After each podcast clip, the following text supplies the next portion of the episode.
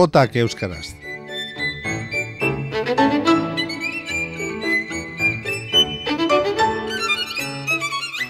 Gehienok uste dugunaz bestera, Jotak Euskaraz ere kantatu izan dira Nafarroan, Jose Mari Espartzak eh, Jota Zeretikaz de Navarra liburuan erakusten duenez. Kanta izpide saioaren atal honetan, Euskarazko joten historiaz ohar solte batzuk emateaz gain, Nafarroatik datozkigun jota batzuk entzungo ditugu geure hizkuntzan.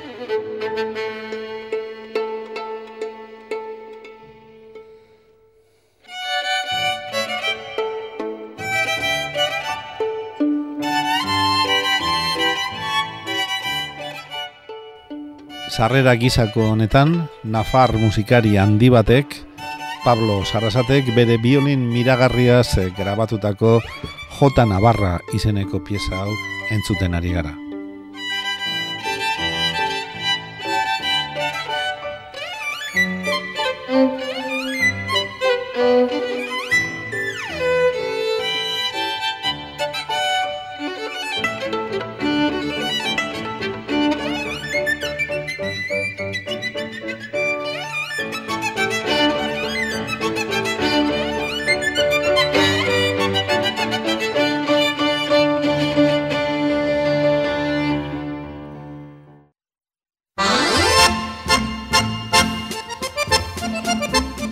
Emezortzigarren mendean tafaian gaztelaniaz kantatzen ziren kopla batzuk, hartasoan euskaraz kantatzen ziren, artean berau herri euskaldun aztelako. Hildo beretik eh, badakigu hartasoan kuadrilla bat epaitu zutela mila zazpireon deruro eta bostean, emakume alargun bati euskarazko jota bat kantatzeagatik. Izan ere, iragan mendeetan jotak eh, bertsoak bezalaxe, improvisatu egiten omen ziren eta dirudienez, papateko lan hori bi hizkuntzetan egiten zen, gaztelaniaz zein euskaraz. Dena den, hogigarren mendea helduta, hitz berberak errepikatzeko eredu nagusitu zen.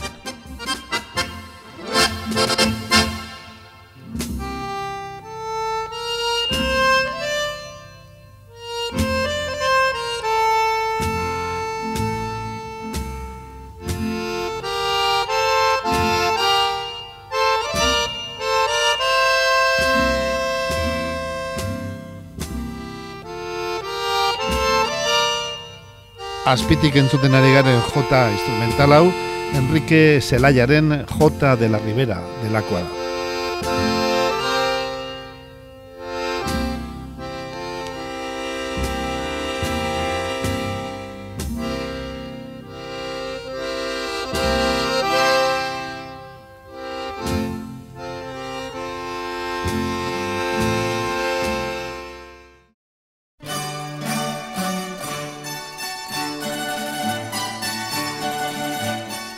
Hogeigarren mendean jotak euskaraz grabatu zituzten lehenak, larragako joteroak izan ziren. Mila behatzireon dalaro gita bostean, ataiar rondailarekin batera atera zuten diskoan euskarazko jotak sartzea irautza izan zen benetan. Disko horretan berdin omentzen zituzten Raimundo Lanas jotari handia, zein etxaun iruri koblakari bikaina. Unela, Raimundo Lanas eta etxaun, Siberu Nafarroa, biei kantatzen diegu larragako joteroak.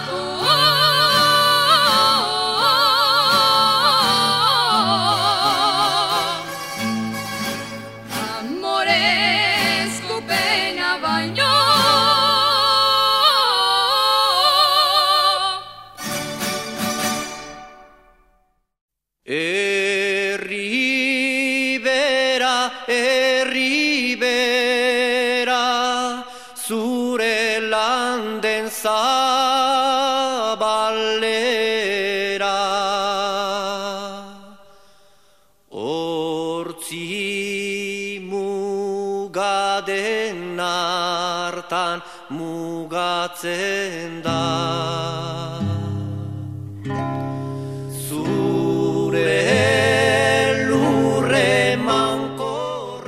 Aurreko minutuetan Enrique Zelaya soinulariaren J de la Ribera pieza instrumentala entzuten aritu gara. Izan ere J Kerriberan izan baitu antzinatik edadudarik handiena Nafarroan. Horretaz jakitun, Benito Lertxundik bertan kokatu zuen bere euskarazko J, Herribera J, lurralde horren nafartasuna eta horren bestez euskalduntasuna aldarrikatzen. Gure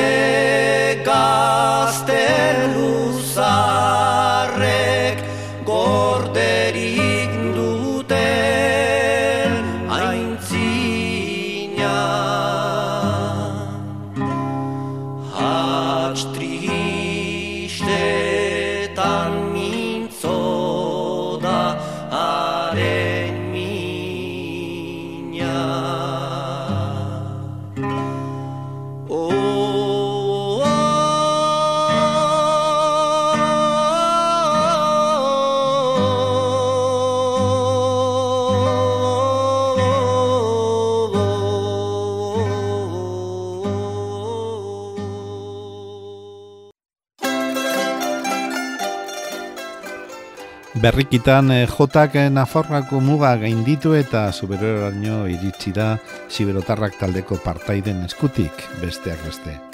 Eta zuberoan eh, bertako gaiez eta euskalkiaz jantzirik ageri zaigu jota. Beraz, entzun dezagun apur batean, ziberoraz, la jota siberua, siberotarrak taldeak eskainirik. Mauletik ataratzera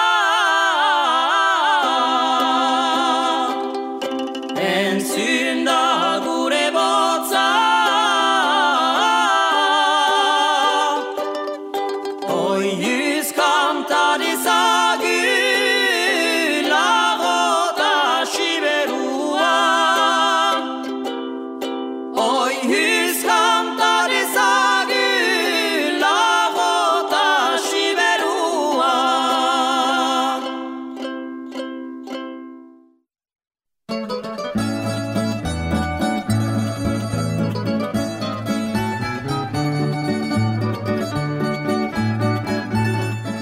J eder batez bukatu nahi genuke gaurko saioa eta etzego ezer oberik bururatzen Jean Michel Bedasagarrek Nafarroa izenaz bataiatu zuena entzutea baino. Orain honetan e, Mila Martínez jaurrietak eh, lagunduta eskainiko dugu. Beraz, Nafarroa, Santxoren asperena, gazte nitxaropena eta zazpietan lehena.